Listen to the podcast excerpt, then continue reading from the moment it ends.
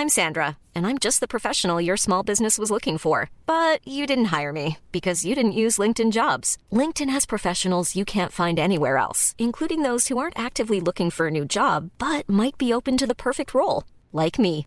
In a given month, over 70% of LinkedIn users don't visit other leading job sites. So if you're not looking on LinkedIn, you'll miss out on great candidates like Sandra. Start hiring professionals like a professional. Post your free job on linkedin.com/people today. Ryan Reynolds here from Mint Mobile. With the price of just about everything going up during inflation, we thought we'd bring our prices down. So to help us, we brought in a reverse auctioneer, which is apparently a thing. Mint Mobile unlimited premium wireless. Ready to get 30, 30, bit to get 30, bit to get 20, 20, 20, bit to get 20, 20, bit to get 15, 15, 15, 15 just 15 bucks a month. So, Give it a try at mintmobile.com slash switch. $45 upfront for three months plus taxes and fees. Promo rate for new customers for limited time. Unlimited more than 40 gigabytes per month. Slows. Full terms at mintmobile.com.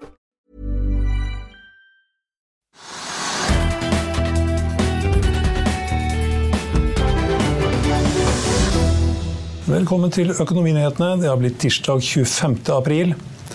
Det var 182 meldinger om fusjoner og oppkjøp i Norge i første kvartal. Vi har med oss partner og nordisk leder for Private Equity i EU, Bjørn Tore Foss. Vi har også med oss investor Morten Astrup, som har noen favoritter han vil eh, snakke litt om og fortelle oss litt om i shippingsektoren.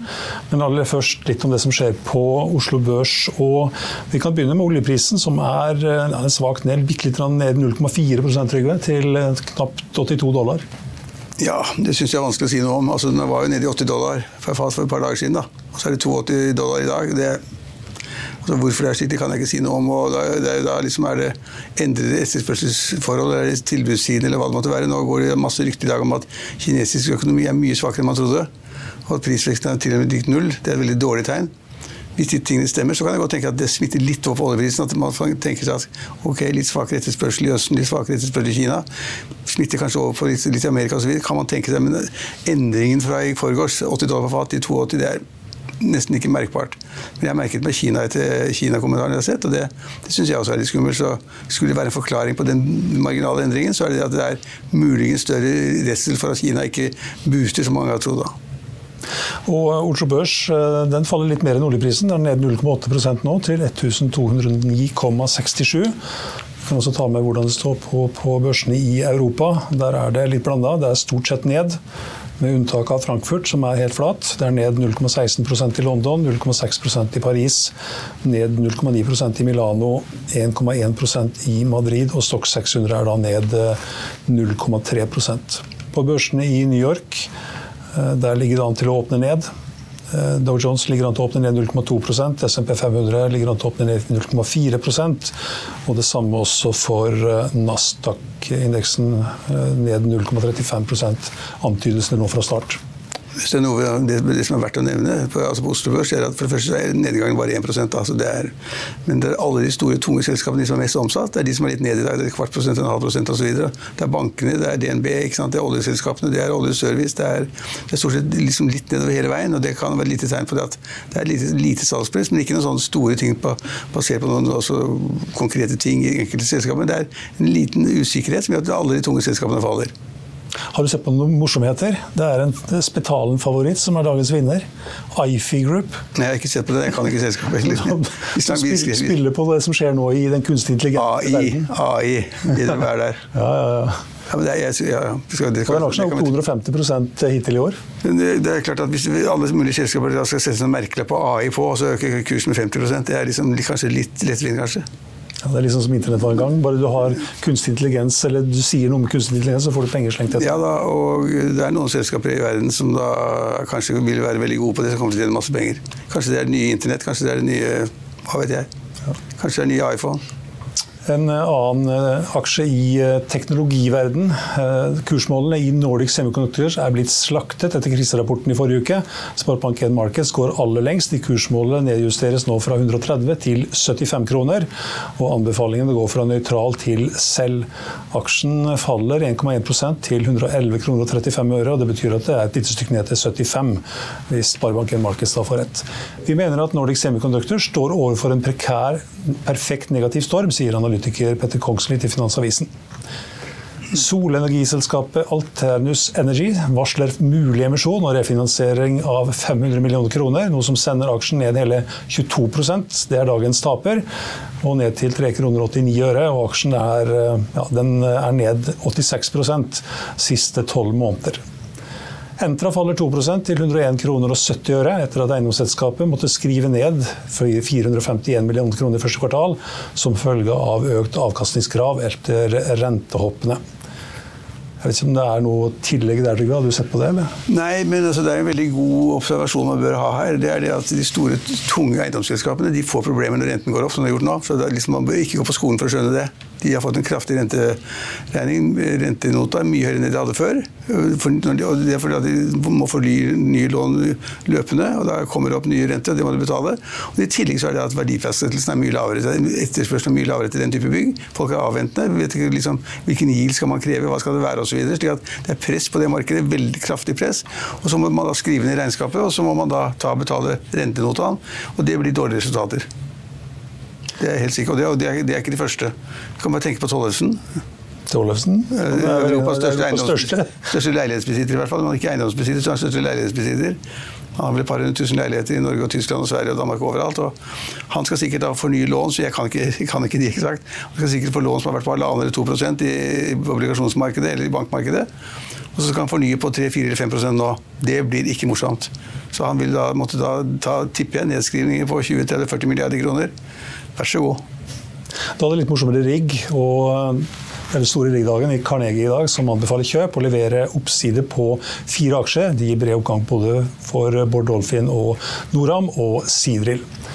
Vår Energi leverte kvartalsrapporten mandag. Inntektene falt, men olje- og gassprodusenten holder seg til utbytteplanene. og Mandag, aksjen, mandag steg aksjen 6,4 og i dag er den opp nye 1,9% til 27 kroner og 36 øre. Men um, det her er en aksje som har falt mye det siste året. Er, uh, det har vært en tung greie. Ja. Boligriksselskapet Prosafe faller 8,1% til 140 kroner etter at Pareto Securities kutter kursmålet med hele 40% på bakgrunn av forrige ukes flåteoppdatering, som viste utfordringer.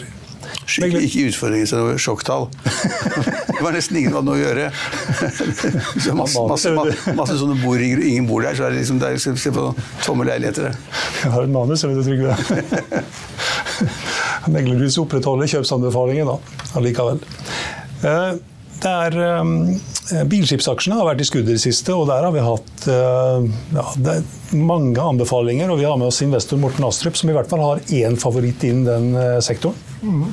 Så Markedet generelt er jo litt skummelt nå, som vi var inne på, med høyere renter og sånne ting. men kontantstrøm i nærtid, det lyver i hvert fall ikke altfor mye. Altså, hvis man ser på gram, da, så er selskapsverdien omtrent like høy som ordrereserven. Altså gjeld pluss markedsverdi er omtrent det samme som ordrereserven på, på skipene.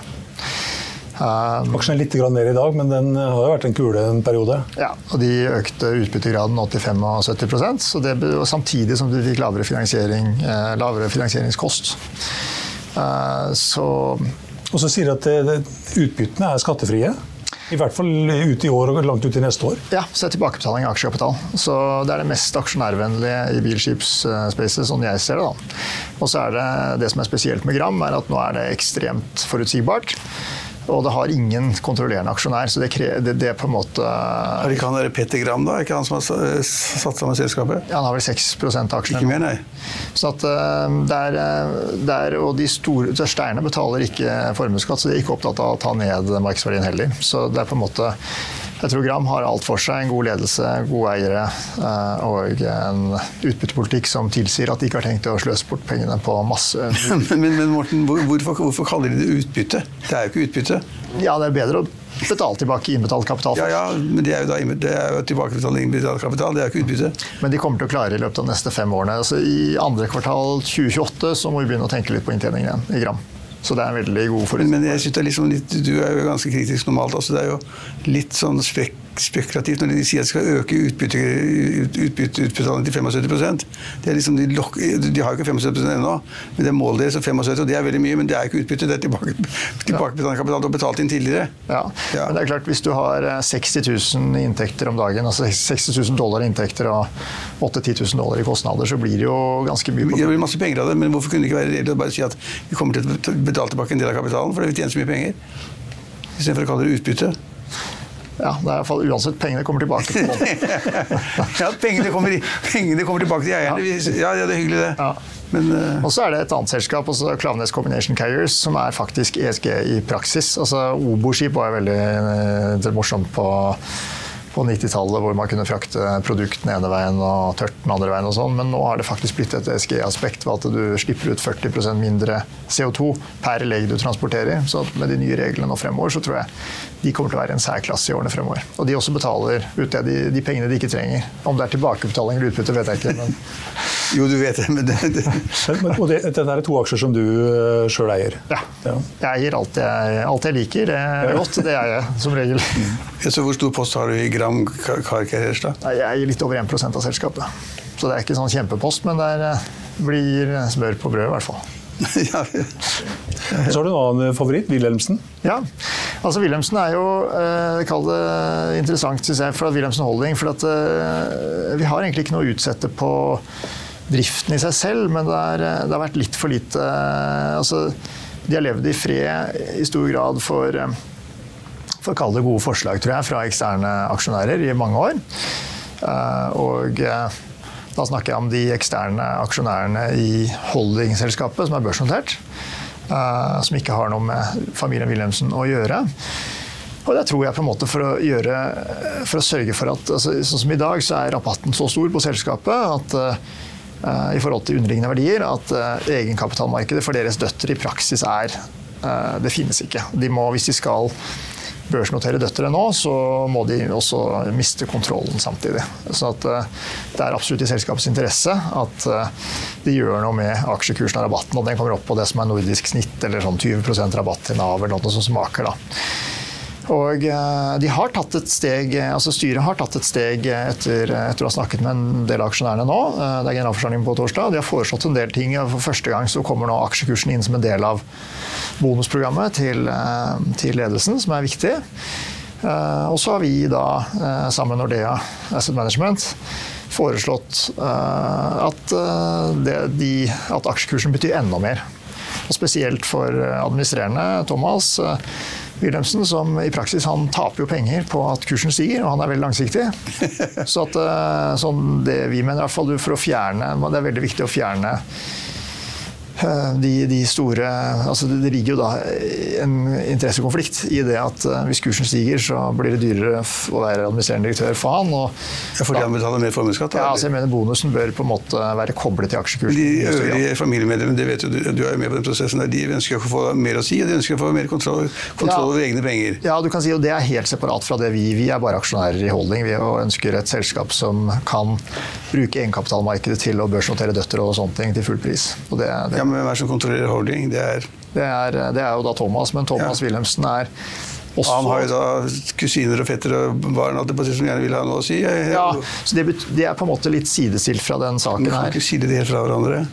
Uh, vi, vi, eh, vi, fall vi, vi prøver ikke å blande oss inn der, da, for å si det sånn.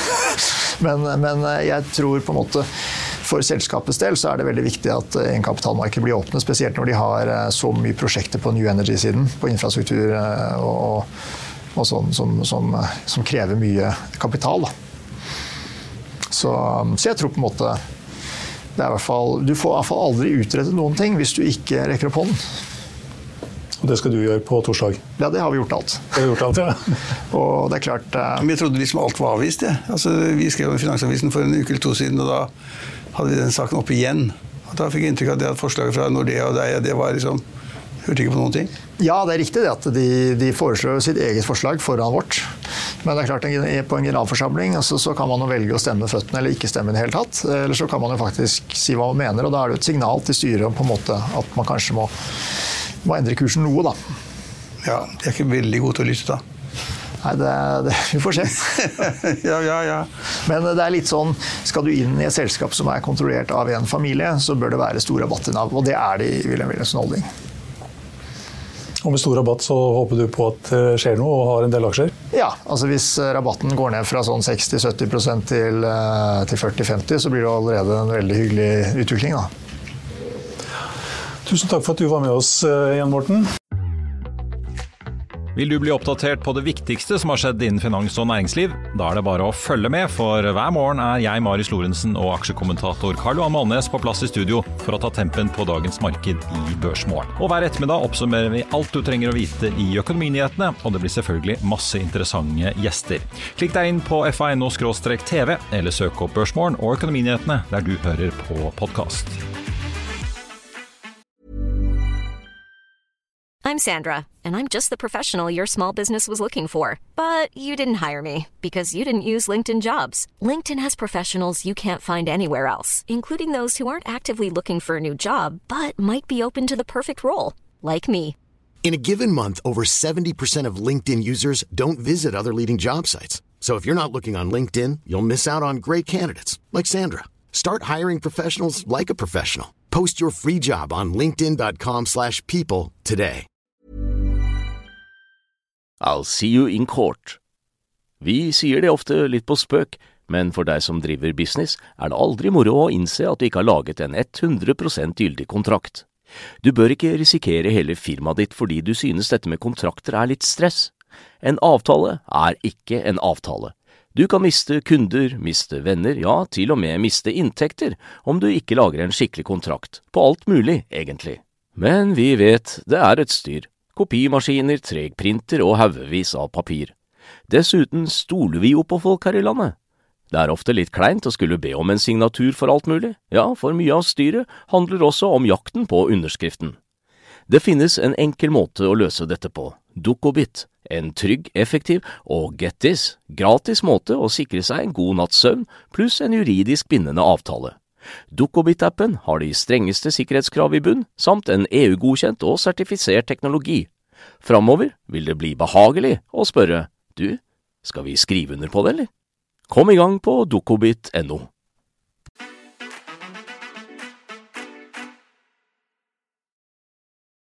Ja, da har vi med oss partner og nordisk leder for PE, Private Equity i EU, Bjørn Tore Foss. Velkommen. Takk skal du ha, og takk for at vi fikk lov å komme tilbake igjen. Ja, dere hadde en oppdatering på fusjon og oppkjøp nå i eh, første kvartal 2023.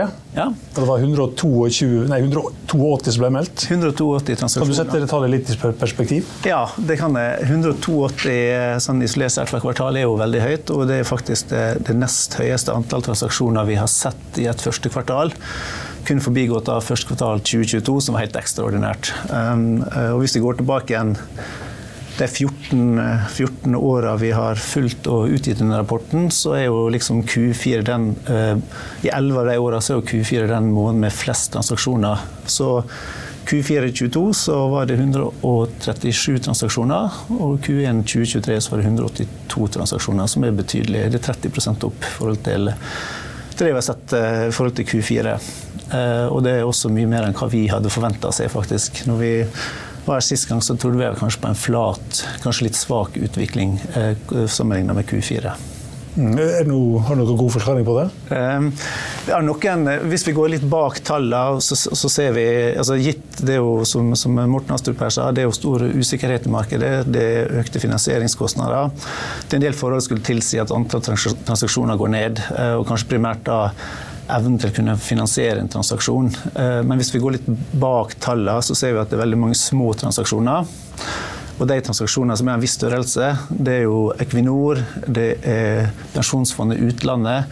Det er en del aktører som ikke har behov for finansiering. De finansierer med ren egenkapital. sånn sett. Um, vi, kan ta, vi, kan ta, en liten titt på alle de store transaksjonene her, kanskje. Hvis vi får opp den oversikten, ja. Der har vi det. Ja. Du har tatt med fem stykker? Vi har tatt med fem stykker. Og den største er jo, da, det er jo Equinor som kjøper, kjøper oljeselskaper, oljefelt i, i UK. Og så er det også da Pensjonsfondet utlandet som investerer i en andel i, i en vindpark. Og vi har jo også sett en betydelig økning i investeringer innenfor fornybar energi. Vi har også sett en del innenfor olje, olje og gass siste, siste kvartalet.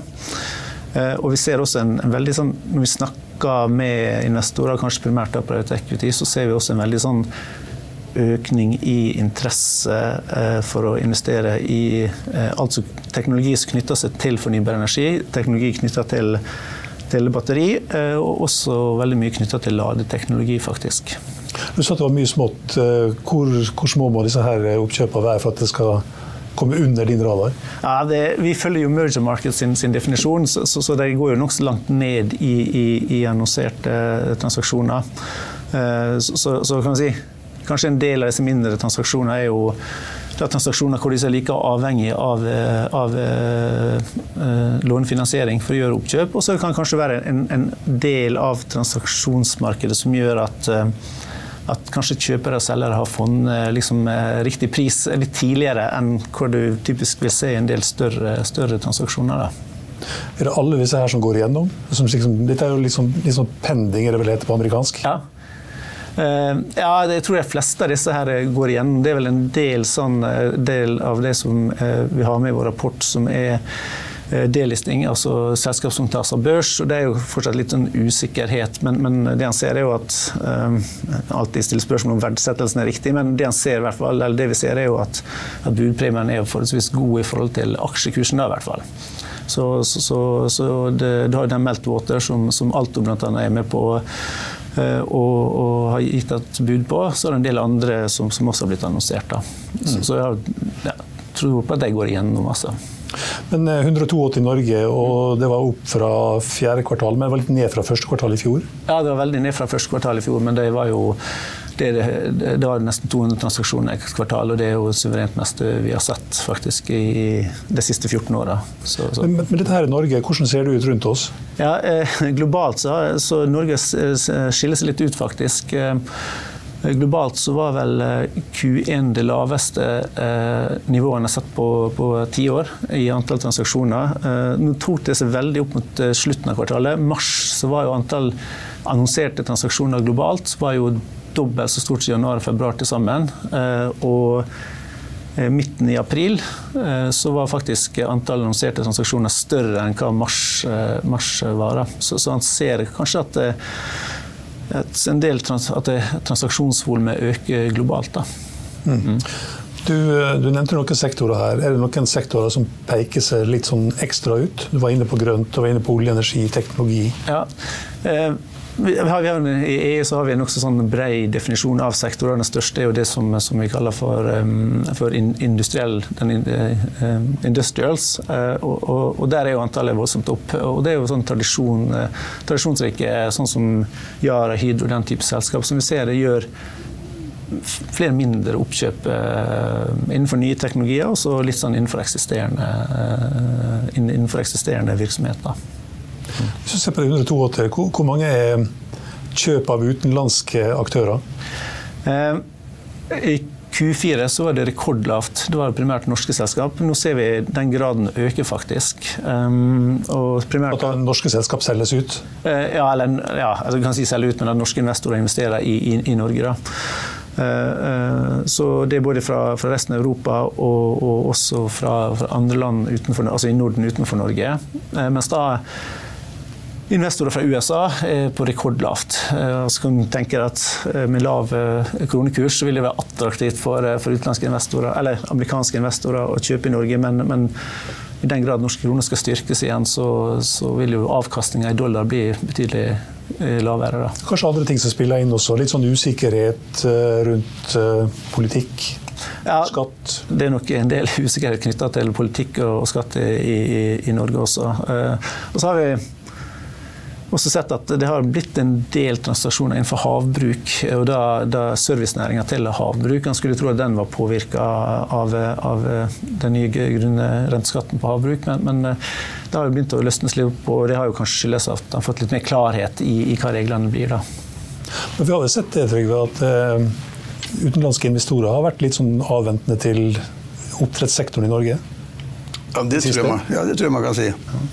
Men det er klart at eh, endringene var ganske eh, kraftige, de som kom. da. Eller de, de som ble annonsert. Eh, Hvis man så, da fikk en ekstraskatt på 40% oppe på 22 så Det er så mye at da må man tenke seg om. Så det er åpenbart at Utenlandske meglerhus og utenlandske store investorer, pensjonskasser og annet, de tenkte seg om er oppdrettsnæringen noe for oss. De, men så tror jeg, men jeg har ikke tall for det, så tror jeg de har kommet tilbake til en stund og tenkt at det var kanskje ikke så ille likevel, og de finner en løsning i Norge. og De vil, vil, vil ikke innføre en beskatning som er helt ekstrem. Det tror jeg ikke de gjør heller. De, men de har ennå ikke klart å fastsette hva det skal bli. da. Så, så liksom, den, den nye skatten skulle da tre i kraft i begynnelsen av året. Den er ennå ikke trådt i kraft, og de vet ikke hvilken sats man skal ha heller. Så i sum så tror jeg at folk ble veldig overrasket å begynne med. Det smittet opp utenlandske banker og finansieringskilder, og alle var usikre. Nå tror jeg på en måte er litt opp igjen, altså. Og lakseprisen er veldig høy. Mm. Så alle tjener veldig godt. Og, ja, så, men, men, det er klart det som skjer rundt oss, det betyr noe da, for antall transaksjoner. Mm. Jeg tenkte på det i dag tidlig. Da kom jo meldingen om at uh, antall konkurser i Norge har økt med 40% i første kvartal. Mm. Det er veldig mye. Så kan si at Hvor store er selskapene, hvor viktige er selskapene, det vet jeg ikke. Men det er en klar tendens til at norske selskaper nå nærmer seg sånn konkursstandard. Fordi de betaler høyere rente enn de gjorde før, har de ikke regnet med. Og de betaler også da kanskje høyere strømregninger enn de gjorde før, har de ikke regnet med. Så vi har en konkursbølge nå. Jeg liker ikke å snakke om det for det sier man litt for ofte, men 40% opp i antall konkurser ifølge SSB, det er mye. Hvis det, hvis det liksom setter seg, så blir det færre transaksjoner. Ja. Da vil folk liksom da gå volumet ned, for da lurer på hva, hva som foregår. Mm. Det er en skummel utvikling. Du, du, sa at det hadde tatt seg opp i, i mars, var det du sa? Eh, globalt tok det seg veldig opp i mars. Hvordan ser det ut videre fremover? Har du noen idé om det? Eh, det, det altså, historisk sett eh, så er jo liksom Q2 en, en inn mot sommerferie, sånn, så er jo det et kvartal med forholdsvis høye, høyt volum med, med, med, transaksjoner. Men, men det er jo usikkerhet knytta til finansiering, det er usikkerhet knytta i, i konsumersentimentet. Uh, og så ser vi også det at sånne transaksjonsprosesser som, vi er med på, de drar ut i tid. Uh, investorer, det som sier at investorer er, er usikre, de er usikre på rammevilkårene. Og, og, det gjør at de bruker lengre tid i, i sånne transaksjonsprosesser. Uh, og så er det ikke for å stikke under en stol at det er igangsatt en, en stor transaksjonsprosess på et selskap som, kan, som ikke er børsnotert. Det, det, kan være kostbart. Så det gjør, det gjør, jo også at de som skal selge et selskap, også um, kanskje venter litt med å sette i gang sånne prosesser som, som koster en del eh, penger. Mm. Det er en del nordmenn som flytter ut av Norge og kanskje vurderer å selge bedriften sin? Ja, Vi har ikke sett så mye av det, det ennå, men, eh, men, eh, du skal kanskje se bort ifra at en del vurderer kanskje sånn på kort sikt, men kanskje på litt sånn mellomlang og litt lengre sikt. Og også da kanskje i forbindelse med generasjonsskifte, så, så kanskje, kan kanskje det bli, bli, mer aktuelt. Men du har ikke sett noe av det ennå? Ja, jeg har ikke sett noe av det ennå. Men det, bare, altså, bare en kort kommentar til det. Det, det. det, er jo det at de nye skattereglene vi har fått, og nye beskatningen av formue kombinert med utbytteskatt, og den såkalte monsterskatten, mm. tror jeg faktisk vil, vil, føre til at en del bedrifter blir solgt som ellers, ellers ikke blir solgt. Ja. Fordi at liksom man tar konsekvensen av det som da skjer, at man regner på det for at dette blir veldig komplisert, veldig vanskelig, og, og så vil man ikke overdrive heller, men så selger man. Ja. Det tror jeg. Så det, om hvor mange og hvor mye Men, men blir, altså hvis, hvis det skattediskusjonen vi har nå fortsetter, og på en måte nivåene ligger der hvor de ligger, og politikerne sier at liksom, hvis, du, hvis, du, har et problem med skatten vår, så får du bare selge bedriften din eller selge aksjer i bedriften din, mm. det vil medføre et press mot å selge. Mm. Og jeg har flere bekjente som liksom da vurderer å selge og bare liksom blir ferdig med det. Ikke si det er stort for det, men det er, det er folk tenker annerledes. Fordi skatteendringene i Norge har vært ganske dramatiske de siste to årene. Ja, jeg mener dramatisk, altså. Jeg tuller ikke. Ja. det, kan, det kan vi lese i Finansavisen hver dag nå. Ja, nesten. Vi prøver å finne eksempler på det, hvordan ting slår ut, så det er ganske kraftig, kraftig kost, faktisk. Mm. Tusen takk for at du kunne være med oss, Bjørn Tore. Det er veldig hyggelig å få være her òg. Skal vi rulle videre? Ta en en liten pause, så vi går straks tilbake etter dette. For å skjønne god vin, så må du drikke mye dårlig vin. Det er så jævla godt naturlig. Og så er det det når du vasker glass også, at du bruker konstant samme vanntemperatur. Og jeg kan nesten ikke se han fra her jeg sitter. Lagrer store flasker bedre enn små flasker. Feile? Ja, det hører jeg til. Det er derfor vi blir bedre. Perfeksjon, det er uh, egentlig uh, noe som er umulig. Ja, Jeg kan ta en liten oppdatering på det som skjer på Oslo Børs. Det har vel ikke skjedd så fryktelig mye de siste minuttene. Men i hvert fall så er hovedindeksen ned 0,8% 1210. Og oljeprisen er litt mer ned i sted, nå er den ned 0,7 til 81 dollar 72 cent. På børsen i Europa er det fremdeles ned, som vi var inne på i sted. Det er Stokk 600 ned 0,35% og det er rødt på de mest toneangivende børsene. Og i New York så ligger det an til å åpne ned, som vi var inne på sted, ned 0,2 til 0,4 Vi kan også ta med bitcoin, som er ned 0,2% til 27 368 dollar. Det var økonominyhetene her på Finansavisen på den tirsdag 25. april. Vi er tilbake igjen her med Børsmorgen i morgen tidlig klokken 8.55. Husk også at du får de siste nyhetene minutt for minutt på finansavisen.no. Mitt navn er Stein Ove Haugen. Tusen takk for at du så på og hørte på, og håper at du er med oss igjen i morgen også.